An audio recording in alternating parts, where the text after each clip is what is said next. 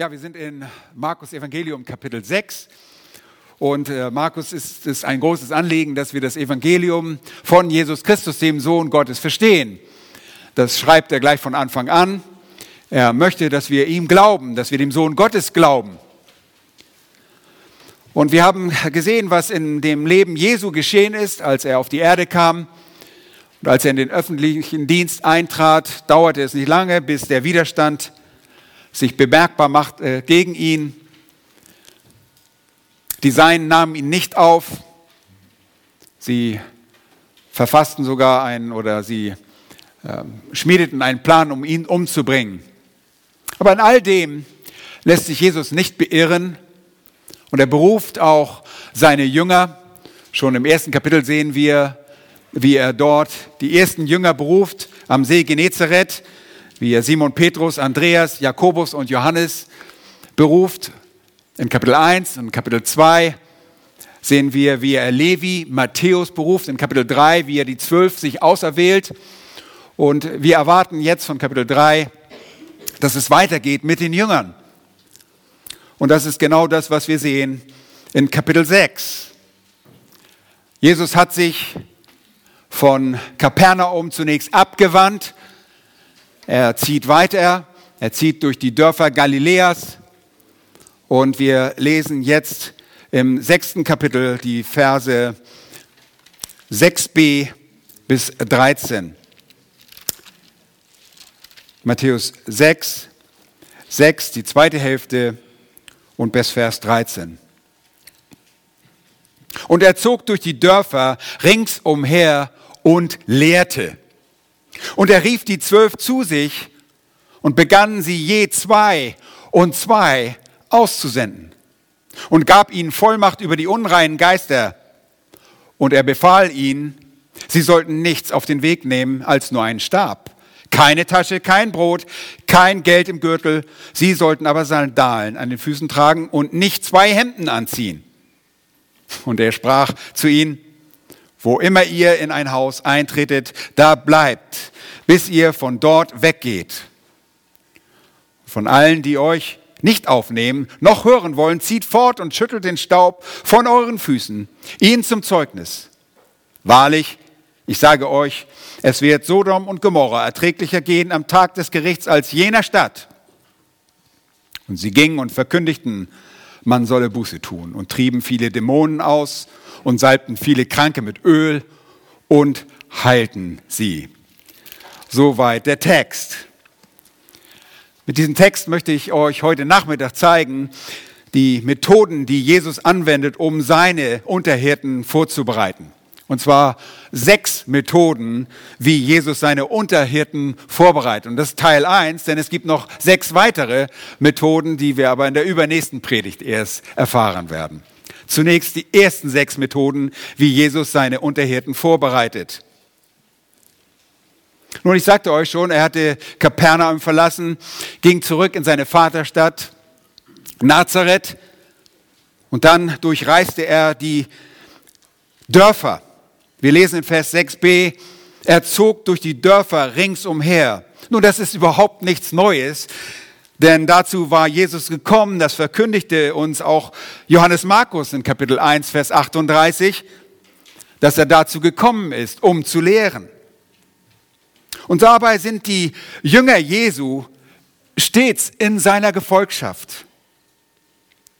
Nun müssen wir dabei allerdings nicht nur an die mit uns mit Namen vertrauten Jünger denken. Nein, es waren viele andere, die willig waren, von Jesus zu lernen. Männer und Frauen, zumindest bis zu diesem Zeitpunkt. Sicherlich entschied sich der eine oder andere zwischendurch immer mal wieder zu Hause zu bleiben, weil er die Strapazen des Reisens äh, sich ersparen wollte. Aber wenn wir die Evangelisten miteinander vergleichen, dann sind noch eine ganze Menge von Jüngern in seiner Gefolgschaft. Und auch bei seinem Aufenthalt in Nazareth gehen wir davon aus, dass er nicht nur mit dem engeren Kreis seiner Jünger unterwegs war, sondern dass ein erweiterter Jüngerkreis dazugehörte. Und das ist die Art und Weise, wie diese Menschen von Jesus lernen sollten. Sie folgten ihm nach. So bereitete Jesus Menschen für den Dienst vor. Jesus hatte kein offizielles Klassenzimmer, in dem er von 9 bis 17 Uhr systematische Theologie unterrichtete. Er hatte Menschen in einer Art Lebensschule, die er seinen Nachfolgern, die es seinen Nachfolgern ermöglichte, ihn auf Schritt und Tritt zu beobachten und zuzuhören und im Leben handeln und reagieren zu können, so wie er. Ihr Lieben, das ist die effektivste Methode des Lehrens. Und wir haben das Privileg, so auch als Eltern, die uns anvertrauten Kinder zu lehren, und auch viele von euch, weil wir unsere Häuser für euch öffnen und ihr sehen könnt, wie wir leben. Paulus schreibt später, als er äh, Thessalonik, die Thessalonicher verlassen hatte, schreibt er, was er sich bei Jesus abgeguckt hatte. Er schreibt, wir sehnten uns so sehr nach euch, dass wir willig waren, euch nicht nur das Evangelium mitzuteilen, sondern auch unser Leben, weil ihr uns lieb geworden seid. 1. Thessalonicher 2,8.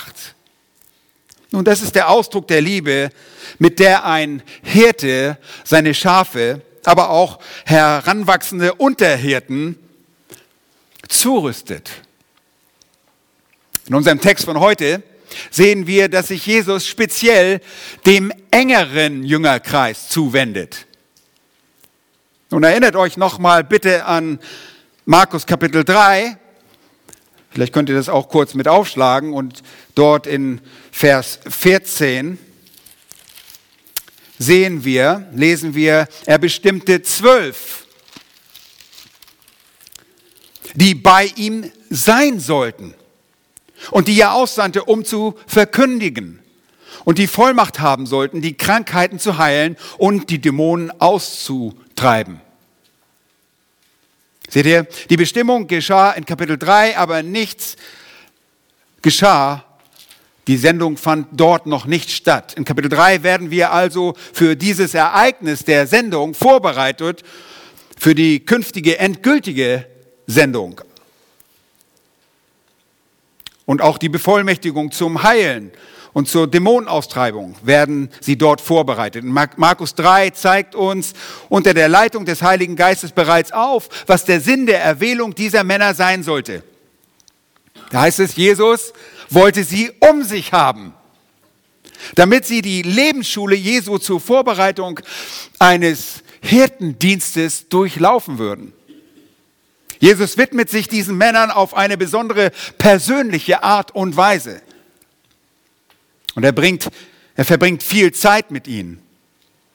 Und wenn er nach dem Nazareth-Besuch äh, Nazareth weiterreist, so können wir wissen, dass auch seine eng vertrautesten Jünger dabei waren. Wir lesen nämlich jetzt in Vers 7, und er rief die Zwölf zu sich aus der Gruppe seiner Anhänger, seiner Jünger, ruft er jetzt die zwölf.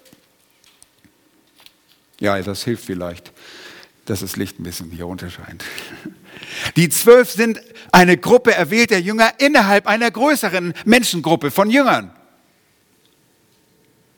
Er hat besondere Pläne für sie, wobei wir natürlich wissen, dass Judas Ischariot einen ganz bestimmten Zweck erfüllen sollte und auch er war dabei.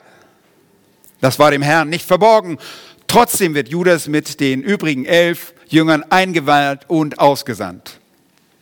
Nun, das ist die Situation hier.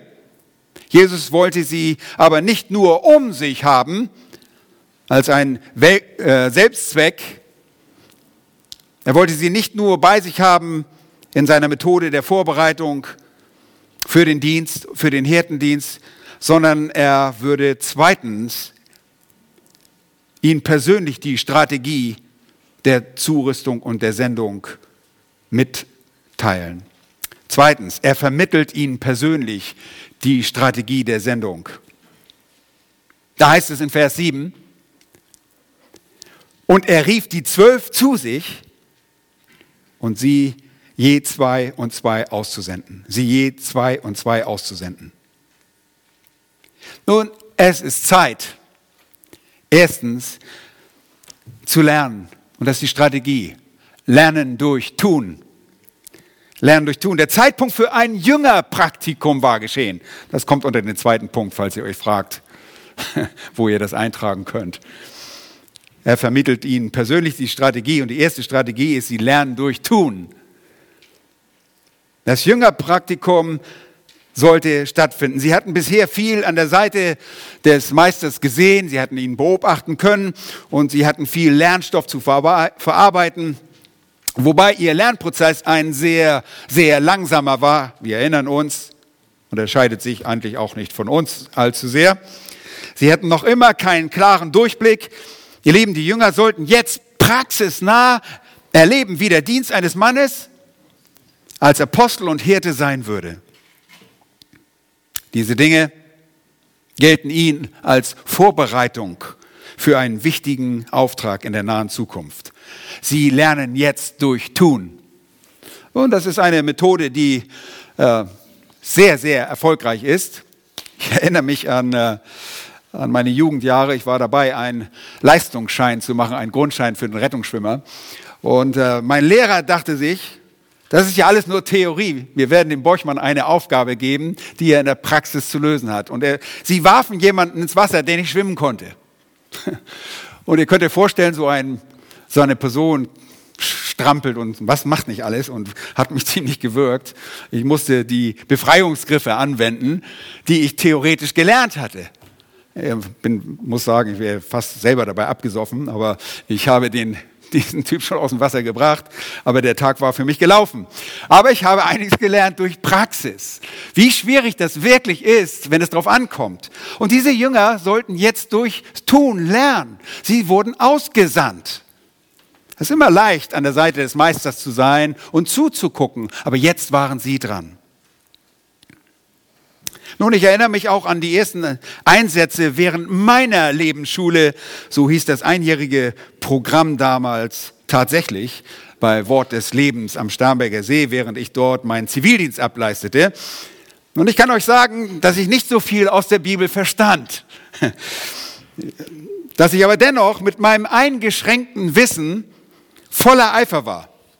Nun, diese Zeit der praktischen Einsätze, so wie die evangelistischen Bemühungen, vor allen Dingen auch in der Münchner Fußgängerzone, hat mir offenbart, dass ich mehr Unterweisung brauchte.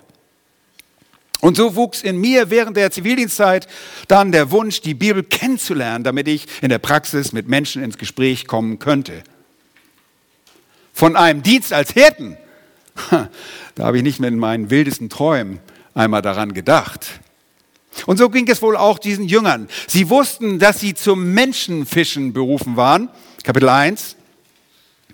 Und dem sollten sie sich jetzt hingeben. Dennoch wussten sie im Prinzip nicht einmal, worauf sie zusteuerten. Aber sie sind willig, das zu tun, was ihr Meister ihnen nahelegt. Zweitens vermittelt er ihnen eine weitere Strategie. Er vermittelt ihnen die allgemeingültige und weise Strategie, dass man nicht allein geht in den Dienst. Er gibt ihnen zu verstehen, dass es für solche Aufträge gut ist, nicht allein zu gehen. Er sendet sie paarweise aus. Seht ihr, der Text sagt, er begann, sie je zwei und zwei auszusenden. Es werden also jeweils zwei seiner Männer zusammen ausgesandt, sechs Paare, das ist ganz einfache Mathematik. Sechs mal zwei sind zwölf. Wir wissen keine Details über diese Paarung, aber sicherlich wird Jesus Rücksicht genommen haben auf die Stärken und Schwächen seiner Jünger. Diese Strategie sollte sich später in der Geschichte der Gemeinde als sehr vorteilhaft und weise herauskristallisieren. Vier Ohren hören mehr, vier Augen sehen mehr, als wenn man allein unterwegs ist. Eine gegenseitige Stärkungsmöglichkeit ist gegeben. Im Falle der Schwächung einer Person wird die Stärkungsmöglichkeit durch die andere Person äh, gewährleistet sein, die noch starke Person. Ein gegenseitiges Beraten, ein gegenseitiges Erinnern, ein gegenseitiges Stärken sind die eindeutigen Vorteile dieser Paarung. Außerdem sollte gemäß dem jüdischen, dem biblischen Gesetz aus der Torah eine Aussage immer auf Zweier oder Dreier Zeugen bekräftigt werden. Allein besaß man diese Fähigkeit nicht.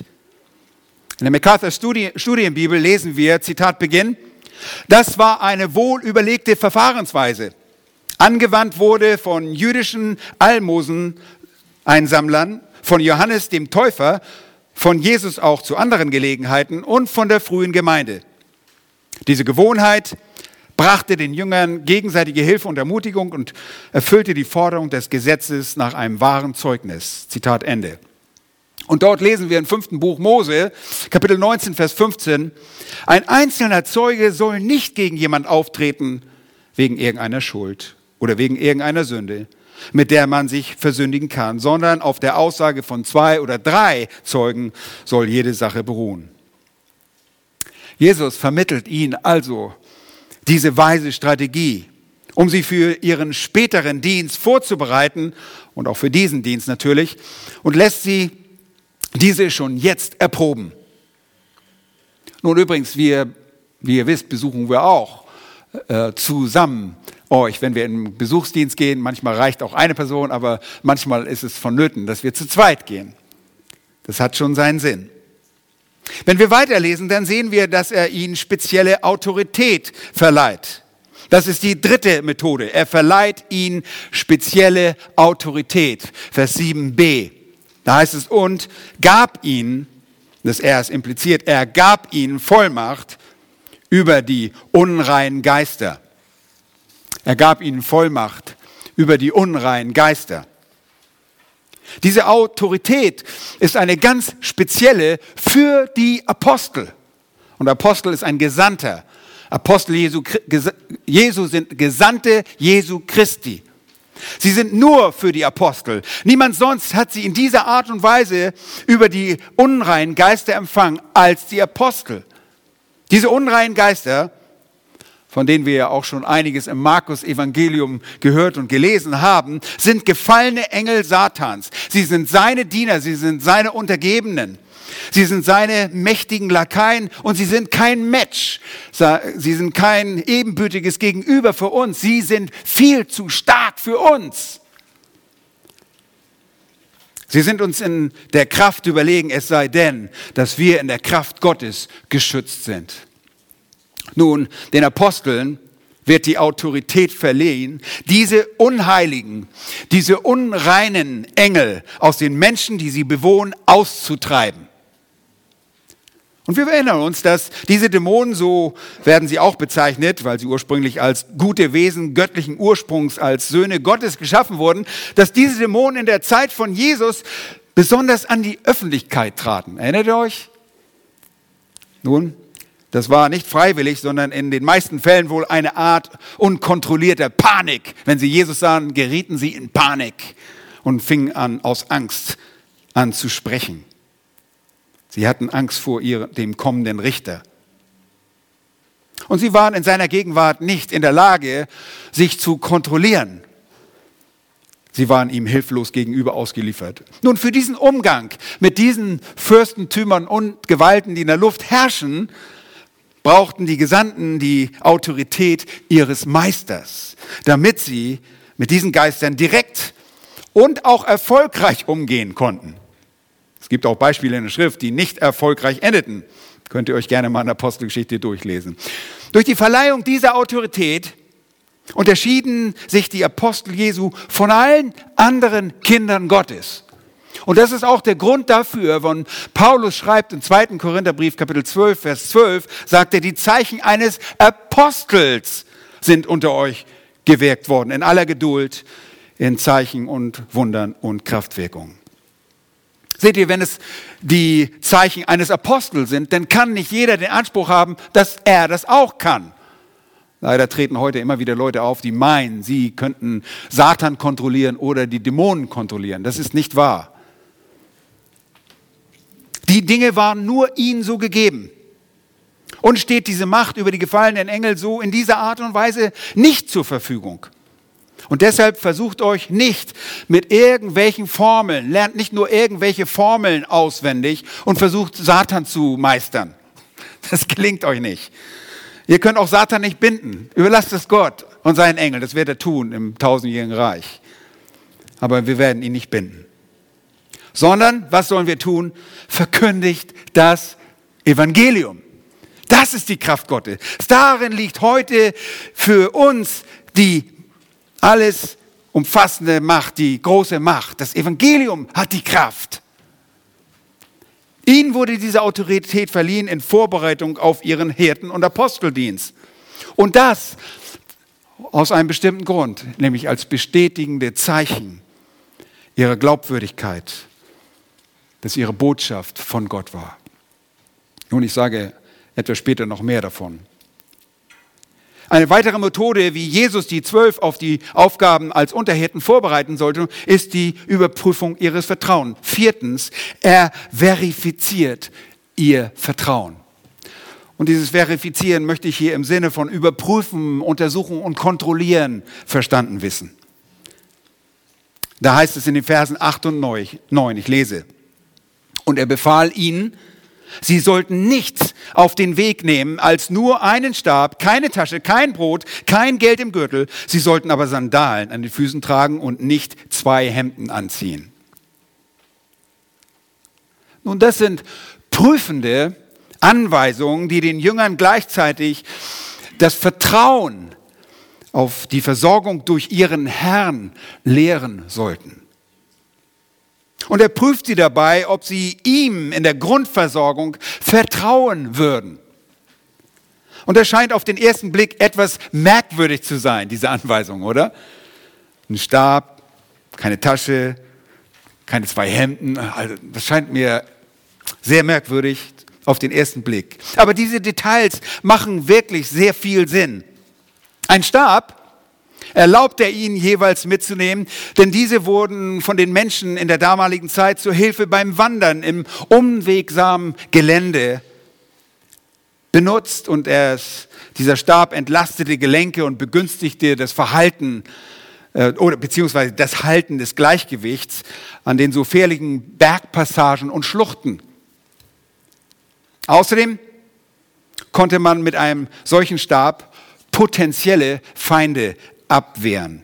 Nicht nur räuberische Menschen, sondern auch wilde Tiere, die den Menschen besonders in, un, in dem unübersehbaren Bergland plötzlich vor Augen standen. Zum Schutz der Füße beim Wandern gehörten auch die Sandalen dazu, die er ihnen zubilligte, aber nur ein Paar, kein zweites Paar und schon gar nicht ein Schuhschrank. Kein Schuhschrank mitnehmen. Das würden vielleicht einige von euch machen. Ja. Nun, diese Sandalen waren wichtig, denn diese scharfkantigen Felsen in unwegsamem Gelände und der oft heiße Boden in Israel oder die dornigen Wiesen würden sie beim Reisen komplett einschränken, ohne das richtige Schuhzeug zu haben.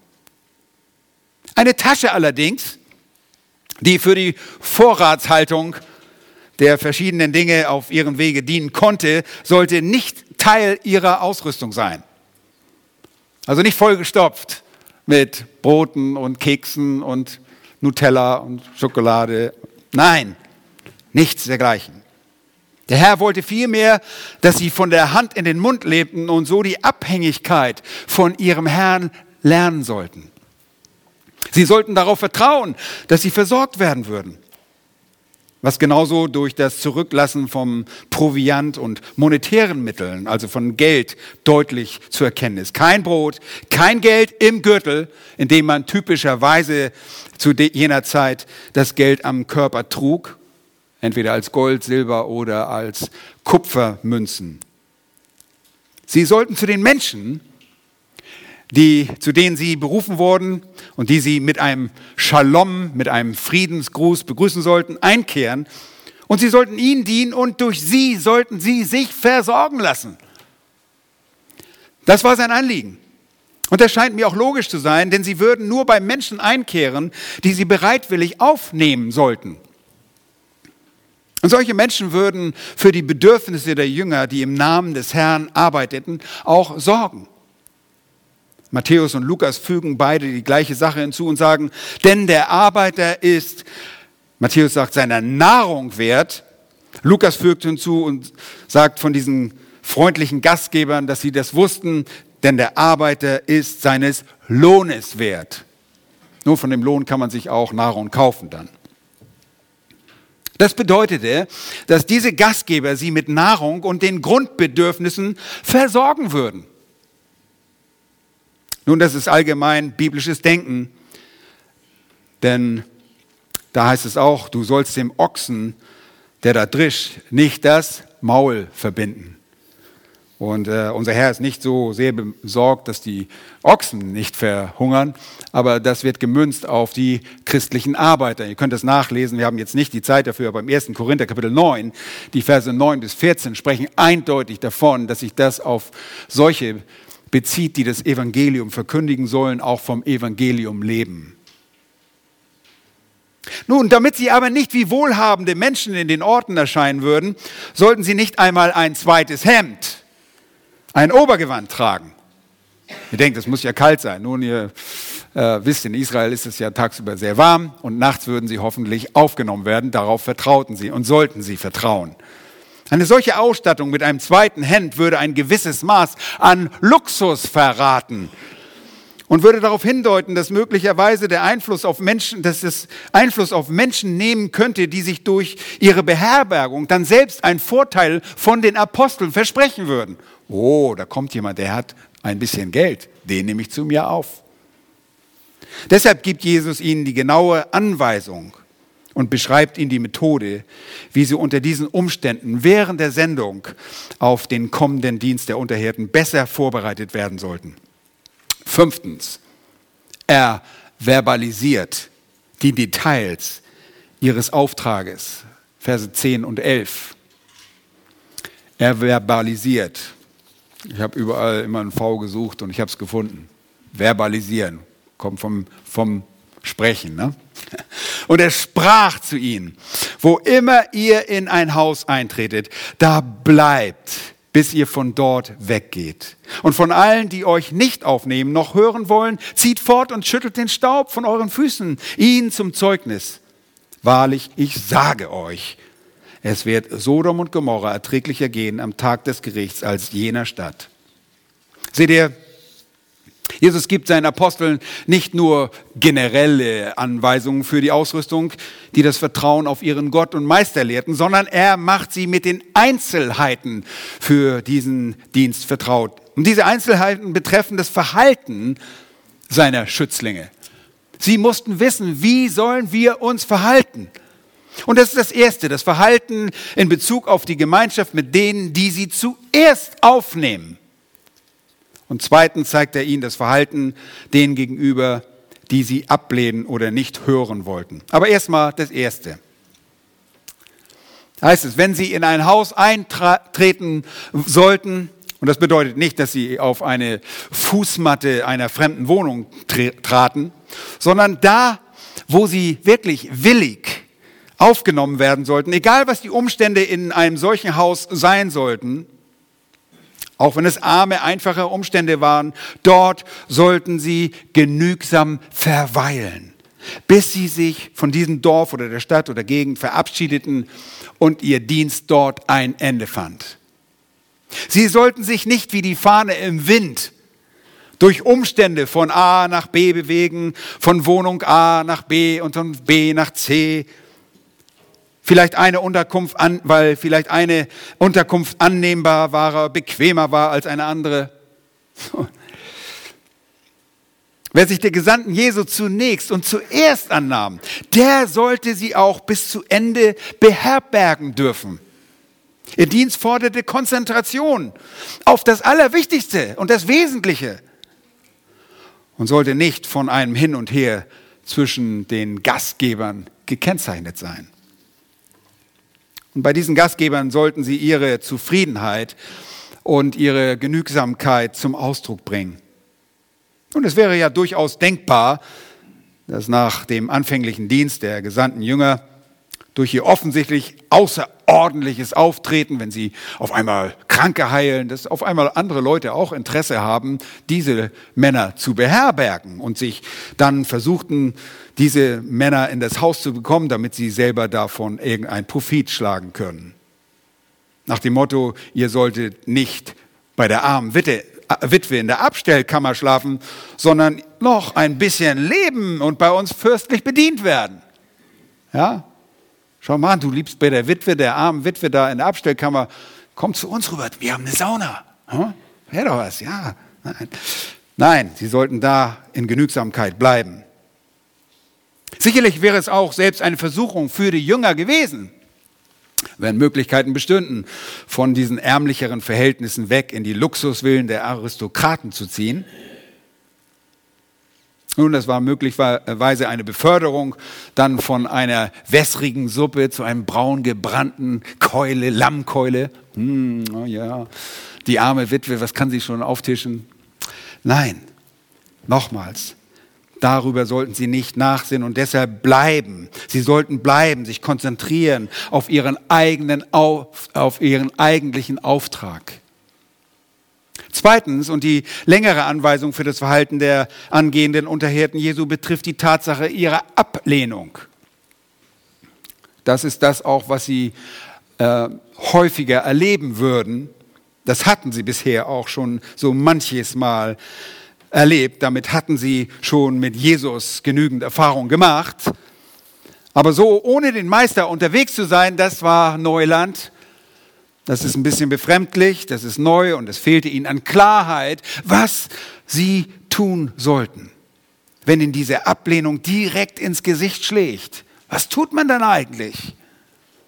Und deshalb sagt Jesus, und von allen, die euch nicht aufnehmen, noch hören wollen, zieht fort und schüttelt den Staub von euren Füßen ihnen zum Zeugnis. Nun, die Apostel sollten auf ihre Ablehnung, und das ist, hat nichts mit persönlicher Ablehnung zu tun, weil sie eine, vielleicht eine schiefe Nase hatten oder sonst was, sondern die Ablehnung der Botschaft. Sie sollten auf ihre Ablehnung der damit verbundenen Botschaft mit einer symbolischen Handlung reagieren die dann ihre innere Haltung zum Ausdruck bringt. Es sollte eine Handlung sein, die signalisierte, dass man sich von diesen Widersachern distanzierte und sich von ihnen zurückzog. Und dann sollte man einfach fortziehen, weggehen. Diese Handlung stellt eine Absonderung, eine Trennung, eine Separation von diesen ablehnenden Menschen dar. Und dieses Staub abschütteln ist nicht ein nutzloses Ritual äußerlicher Reinigung. Der Staub in Galiläa hatte nicht äh, äh, diese giftige Wirkung irgendeiner äh, Vulkanasche, wie vom Eyjafjallajökull, Jökull, äh, diesem isländischen. Äh, und selbst wenn das so wäre, den Füßen würde das nichts antun. Dieses Handeln ist vielmehr ein verständliches, ein visuelles, einprägsames Erlebnis, Ereignis, das den ablehnenden Personen und den ganzen Ortschaften mitteilte, dass sie das Privileg, die Wahrheit zu hören, verworfen hatten und dass sie jetzt die Verworfenen waren. Die betroffenen äh, jüdischen Ortschaften wurden damit zu unreinen, heidnischen oder wurden mit diesen unreinen, heidnischen Ortschaften gleichgesetzt deren Staub die Nachfolger Jesu nicht einmal an ihren Schuhsohlen haben sollten. Nun, das war wirklich etwas sehr Einprägsames, wenn du da siehst, dass jemand sich schüttelt und die Füße den Staub von den Füßen äh, schüttelt. Das war sehr einprägsam, mit dem sich der Verkündiger von der Gemeinschaft der Verworfenen absagte. Und das sollte ihnen, den Verwerfern, zum Zeugnis dienen. Ja, sie hatten die Repräsentanten der göttlichen Botschaft verworfen. Und was ausblieb, ist nur noch Gericht. Und als solches diente dieses auch als ein Gerichtszeichen. Denn schaut mal, was Jesus sagt. Er sagt, wahrlich, ich sage euch, es wird Sodom und Gomorra erträglicher gehen am Tag des Gerichts als jener Stadt. Hier kommen die Botschafter an Christi Stadt, so bezeichnete sich Paulus später und uns, die wir mit der Botschaft Jesu kommen. Hier sind die Botschafter an Christi Stadt und sie werden abgelehnt und es bleibt nichts anderes als das Urteil des Gerichts. Das ist ein erschütterndes aber ein angemessenes Urteil. Diese Städte haben die Gelegenheit, das Evangelium vom Reich Gottes, das Evangelium von Jesus Christus zu hören und sie lehnen es ab. Nun, diese Ablehnung haben wir schon an vielen Orten gesehen, in Kapernaum, Korazin. Jesus führt das besonders auf, dass sie dort nicht glaubten. Sodom und Gomorra hatten dieses Privileg nicht. Sie hatten weniger Licht als die Juden zu der Zeit Jesu und deshalb sollte es den Bewohnern der einst so sündhaften Städte am Ostufer des Toten Meeres im Gericht erträglicher gehen als eben diesen Ortschaften, in denen Menschen diese Apostel Jesu ablehnten. Lieben, es ist gefährlich, die Wahrheit zu hören und nicht darauf zu reagieren. Es wäre für manche Menschen besser, die Wahrheit nie gehört zu haben, als auf die Verkündigung nicht mit der Annahme zu reagieren. Später sehen wir, wie der Apostel Paulus und Barnabas dieses Zeichen auf ihrer Missionsreise in Antiochia in Pisidien genauso ausführen. Nachdem eine Aufhetzung durch die Juden und eine Verfolgung gegen sie angezettelt wurde, lesen wir in Apostelgeschichte 1351, da schüttelten sie diese den Staub von ihren Füßen gegen sie und gingen nach Iconium. Sie verlassen die Ortschaft, in der sie nicht angenommen wurden. Diese Worte an die Jünger Jesu erinnern nochmals an das Wort Jesu aus der Bergpredigt, das ich auch schon letzten Sonntag erwähnt habe. Gebt das Heilige nicht den Hunden. Werft eure Perlen nicht vor die Säue, damit diese nicht mit ihren Füßen zertreten und jene nicht umwenden und euch zerreißen. Matthäus 7, 9, 7, Vers 6, Entschuldigung. Es gilt sich, von den Menschen zu distanzieren und es gilt, wenn diese Menschen sich wie Hunde und Säue verhalten, sich zu distanzieren. Es gibt Grenzen. Ein Hund braucht nichts Heiliges. Und auch eine Sau braucht keine Perlen. Die wird sie eh nur wieder besudeln im Schlamm. Und ich habe etliche Gespräche und sicherlich ihr auch mit Menschen geführt, die äh, genauso endeten in der Unterhaltung, als ich ihnen das Evangelium brachte. Meine letzten Worte waren warnende Gerichtsworte an Menschen, weil sie offensichtlich Gottes Wort und Gott selbst lästerten, schamlos die Botschaft in den Dreck zogen. Wir müssen solchen Menschen sagen, ehrt euch nicht. Gott lässt sich nicht spotten. Das, was der Mensch sät, das wird er auch ernten. Sehst du Spott und lehnst du Gott ab, dann wird, wirst du sein Spott und seine Ablehnung im Gericht ernten. Wisst ihr was? Dann zieht man weiter. Und dann haben wir alles getan, was wir tun sollen. Und so sollten auch sie weiterziehen. Oder hört auf, ihm das heilige Wort Gottes zu verkünden. Das ist Verschwendung. Übrigens gab es eine ganze Menge weiterer Einzelheiten, die Jesus gegenüber den Aposteln zum Ausdruck brachte. Es gibt die Parallelberichte in Markus Kapitel 10 und Lukas 9. Und da sehen wir zum Beispiel im Paralleltext von Kapitel 10, im Markus Evangelium, da ist es, begebt euch nicht auf die Straßen der Heiden, betretet keine Stadt der Samariter, geht vielmehr zu den verlorenen Schafen des Hauses Israel. Geht aber hin, verkündigt und sprecht, das Reich der Himmel ist nahe herbeigekommen, heilt Kranke, reinigt Aussätze, Aussätzige, weckt Tote auf, treibt Dämonen auf.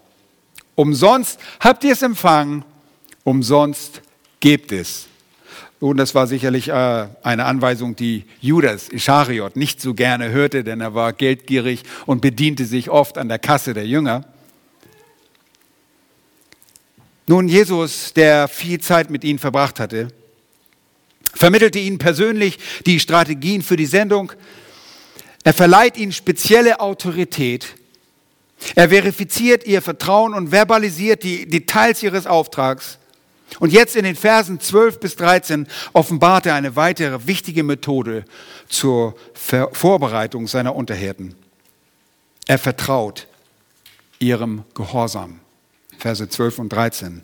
Er vertraut ihrem Gehorsam. Und sie gingen und verkündigten, man solle Buße tun und trieben viele Dämonen aus und salbten viele Kranke mit Öl und heilten sie. Und es ist einfach wunderbar zu sehen. Jesus sendet diese Leute, diese Leute, die mit allen möglichen Schwächen und äh, Nachlässigkeiten behaftet waren. Er sendet sie für den Dienst und er bereitet sie auf einen noch größeren Dienst vor. Und das tut er, damit sie das kostbare Evangelium verkündigen würden und dass sie in seinem Auftrag Wunder vollbringen würden, die diese Botschaft bestätigten. Jesus setzt wirklich alles auf eine Karte. Jesus hatte keinen Plan B. Es gab da keine Alternativen. Diese Männer oder niemand. Er gibt ihnen den Auftrag und er vertraut diesen Jüngern. Und das Erstaunliche ist dann auch, und sie tun es. Sie erweisen sich im Gehorsam.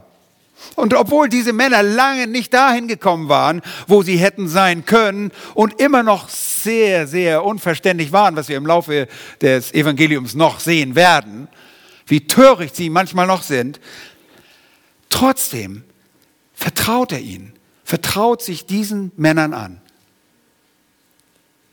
Sie waren unverständlich und sie sind diesem Befehl dennoch gehorsam.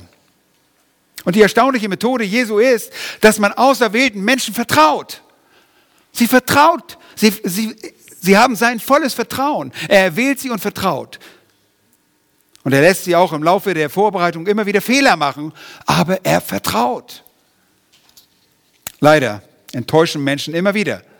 Man vertraut ihnen eine Sache an und eine Aufgabe an, aber sie wird von ihnen nicht erfüllt.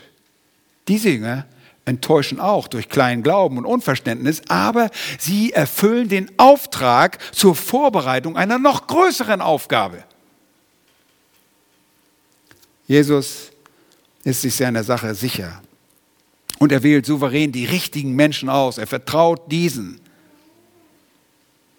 Und es ist letztlich die verantwortungsvollste Aufgabe dieser Welt, es gibt nichts Wichtigeres als diese Aufgabe, jemanden anzuvertrauen. Das kostbare Evangelium. Und er baut auf diesen Gehorsam seiner Schützlinge. Darin hing alles. Und ihr Lieben, sein Vertrauen wurde nicht enttäuscht. Sonst würdest du und ich heute nicht hier sein. Und es ist interessant, dass auch Judas in diese Wahl fällt, obwohl der Herr genau wusste, wie dieser ihn hintergehen und verraten würde. Aber damit wird eins deutlich, dass selbst der Gottlose den Plänen Gottes unterworfen ist und ihm in der Erfüllung seiner Pläne dienen muss. Kein Problem für Jesus. Nun, wenn wir in den Text hineinschauen, von heute Nachmittag im Markus Evangelium, dann lesen wir nirgends, dass irgendwo explizit von einem eigentlichen Hauptauftrag die Rede ist. Für die römischen Empfänger war dieser Auftrag nach all dem, was wir von Johannes Markus bisher gelesen haben, offensichtlich und auch für uns. Es reichte schon im Kapitel 1 zu lesen, warum hatte Jesus sie berufen? Sie sollten was sein? Menschenfischer. Sie sollten Menschenfischer sein. Und das ist genau ihr Auftrag das Evangelium zu verkündigen. Und genau das wird hier in dem gehorsamen Handeln der Apostel deutlich, auch wenn es umschrieben ausgedruckt wird. Sie verkündigen, dass man, dass man was tun solle? Schaut mal in den Text. Man solle Buße tun. Das ist der Auftrag. Fische fangen hat damit zu tun, dass wir den Befehl den Aufruf zur Buße erwähnen. Als treue Unterhirten ist die Verkündigung des herrlichen Evangeliums unser primärer Auftrag. Denn die gute Nachricht des Herrn Jesus Christus allein ist eine lebensverändernde Botschaft. Diese Botschaft muss vom Menschen mit ganzem Verstand und Willen, von ganzem Herzen angenommen werden Und dafür ist Buße erforderlich. Kein rettender Glaube ohne Buße. Mit der Annahme oder Ablehnung des Evangeliums entscheidet sich das Schicksal eines jeden Menschen. Nur Buße ist die gewünschte und angemessene Reaktion auf die Inhalte der Botschaft. Nun, Busse tun ist hier das griechische Wort, Wort, äh, Wort Metanoeo.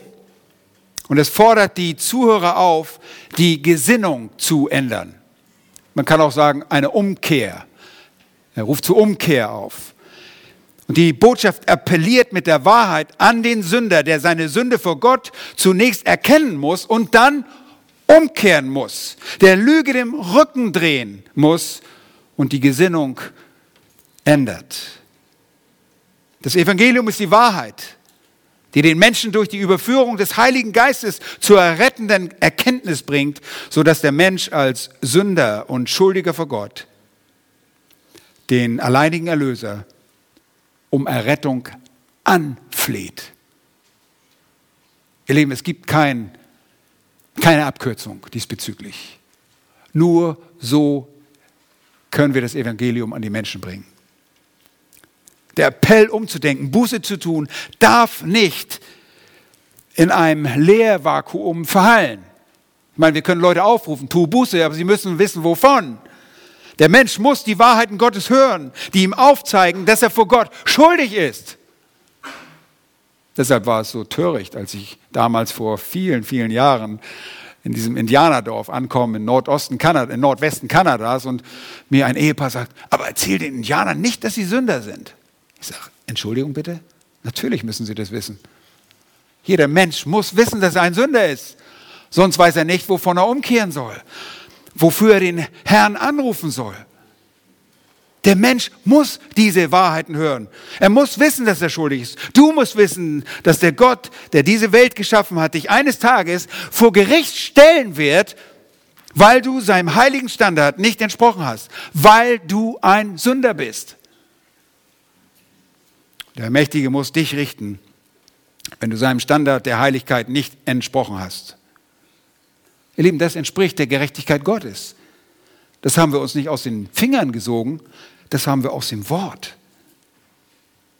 Und da du selbst nicht eine Gerechtigkeit bringen kannst, brauchst du die Gerechtigkeit Jesu, die er dir allein durch den Glauben an sein Erlösungswerk verleihen kann. Und zwar aus Gnade und durch Glauben allein. Nichts anderes ist das Evangelium. Und ich kann dir mit hundertprozentiger Sicherheit sagen, du wirst seinen Anforderungen selbst als hilfloser Mensch nicht gerecht. Du brauchst einen Erlöser. Wende dich an den Erlöser Jesus Christus und vertraue ihm dein Leben an und glaube seinem Wort. Nun, die Jünger verstanden, worin der Auftrag bestand. Hier heißt es, und sie gingen und verkündigten, man solle Buße tun. Nun, dieses Verkündigen, da gibt es eine Textvariante, äh, die, der byzantinische Text, der äh, gibt es ein bisschen als ein Imperfekt wieder, wobei der Nestle Ahrlang der rekonstruierte als ein Aurus wiedergibt und demnach wäre das die Hauptfunktion und wir wissen, das ist die Hauptfunktion, zu verkündigen. Verkündigung stand im Vordergrund. Jesus sagte nicht, geht einfach nur mal rum, macht alle gesund, die sind alle armen Leute sind alle so krank. Der Hauptauftrag lag in der Verkündigung und alles, was dann folgte, war zur Bestätigung dieser Botschaft, dieser Verkündigung. Und all diese Verben, die nachfolgenden Verben, sind dann im Imperfekt ausgedrückt, sind dem untergeordnet. Und das ist so erfreulich zu lesen. Denn ihr Lieben, so viele religiöse Menschen, die von sich behaupten, Hirten zu sein, schießen am eigentlich dieser Aufgabe vorbei. Sie gehen im sozialen Engagement auf. Sie streicheln die Seelen mit menschlicher Weisheit und verbreiten eine Botschaft, die, keine, die kein Evangelium ist. Und sie sind bestenfalls schlechte Psychologen. Dabei brauchen wir nicht mal einen guten Psychologen, weil das Wort Gottes für den Dienst seiner Diener hinlänglich ist. Vollkommen ausreichend genugsam. Nun zur Bestätigung der Botschaft des Evangeliums verlieh Jesus ihnen Autorität über Dämonen und Krankheit. Und diese Autorität bestätigte er dann. Oder das war die, das war die Bestätigung in diesen Dingen. Wir lesen, und trieben viele Dämonen aus und salbten viele Kranke mit Öl und heilten sie. Und ich kann mir das so richtig vorstellen, wie die Jünger losgehen. Wir wissen nicht, wer gepaart war, aber stell dir vor, Petrus geht mit äh, irgendeinem äh, Judas los oder und da kommt da so ein Dämonenbesessener auf sie zu der schreit und wie so ein Verrückter, ihr wisst, die Dämonen haben immer geschrien und die, oh, was machen wir denn jetzt, was machen wir denn jetzt? Ich glaube, Jesus hat gesagt, wir sollen diese und diese Formeln anwenden. Nein, sie hatten eine bestimmte Autorität. Sie wussten, sie sollten irgendwas tun, aber sie hatten das noch nie gemacht. Sie haben das nur bei Jesus gesehen. Und auf einmal merken sie, oh, das hat funktioniert. Die waren auf einmal begeistert. Die waren begeistert. Und sie lernen durch Tun. Sie vertrauen dem Herrn, dass das, was er sagt, er es auch wahr machen würde. Wie schon erwähnt, die Zeichen eines Apostels wurden gewirkt, auch unter den Korinthern in aller Geduld, in Zeichen und Wundern und Kraftwirkung. Ich meine, schließlich hätte ja sonst jeder kommen können und irgendwas behaupten können, irgendeine Botschaft, aber diese Botschaft, die diese Jünger brachten, wurden durch diese begleitenden Zeichen bestätigt. Das sprach sich rum. Diese Typen, die Jesus gefolgt sind, überall hin, die sind jetzt auch unterwegs die können das auch. Hm.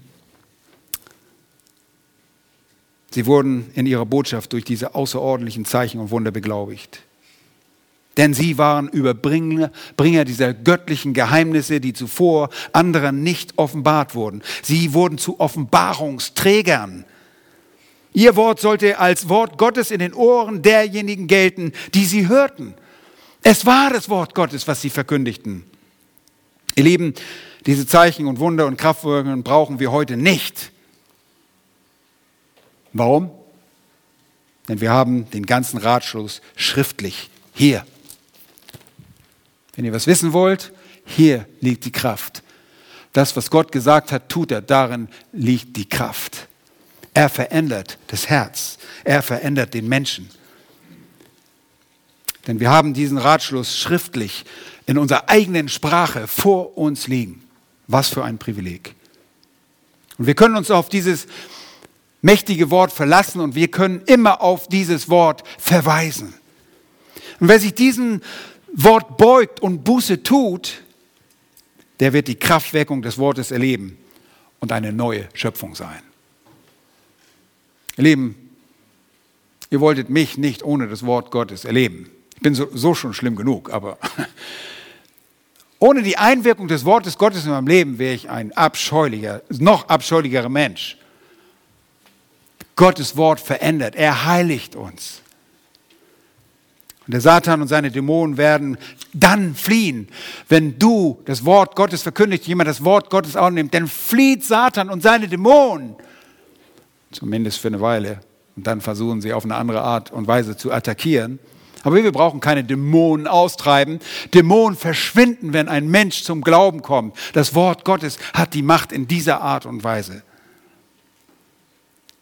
Aber den Aposteln wurde genau dieser Dienst gegeben. Sie trieben viele Dämonen aus und sie salbten viele Kranke mit Öl und heilten sie. Nun, das Salben Kranker war zur Zeit Jesu durchaus gebräuchlich. So machten es auch die Jünger während dieser Mission. Zum einen hatte das Öl eine lindernde Wirkung, wenn es auf Wunden aufgetragen wurde. Aber ich denke nicht, dass es der Hauptzweck war, denn sie konnten Leute auf einmal genauso wie Jesus gesund sprechen. Es brauchte nur ein Wort, sei gesund und sie waren gesund. Es war keine imperfekte Heilung, sondern eine vollständige Heilung, genau wie bei Jesus. Aber zum anderen brachte die Salbung während der Heilung symbolisch zum Ausdruck, dass dieses Werk durch den Heiligen Geist geschah. Denn im Alten Testament symbolisiert das Öl den Heiligen Geist. Und so bekommt dieses Öl eine symbolische Art und Weise, eine Wirkung, dass sie ihnen zeigt, das geschieht nicht nur aus der Kraft eines Menschen, sondern hier ist Gott selbst am Wirken. Es war nicht ihre Kraft, sondern die Kraft des Geistes. Und es soll durch, nicht durch Menschenkraft, sondern durch meinen Geist geschehen. Das sagte der Herr schon durch Sacharja. Nun, der Akt als solches zuweilen auch ein Zeichen der Ehrerbietung für geschwächte Seelen. Aber es lag, und merkt euch das, es lag keine besondere magische Kraft in diesem Öl. Ja, das ist nicht so, dass wir irgendwie eine besondere äh, Zusammensetzung haben, eine bestimmte Rezeptur à la Droide oder so. Nee, darin liegt nicht die Kraft. Die Kraft lag in Gott und die Autorität dieser Kraft übergab er den, den Jüngern. Es war sein übernatürliches Eingreifen, das übernatürliche Eingreifen Gottes zur Bestätigung seiner Botschaft und deren Träger. Es war die Bestätigung der menschlichen Botschafter und damit die Bestätigung der Worte Gottes, in dessen Auftrag der Gesandte unterwegs war.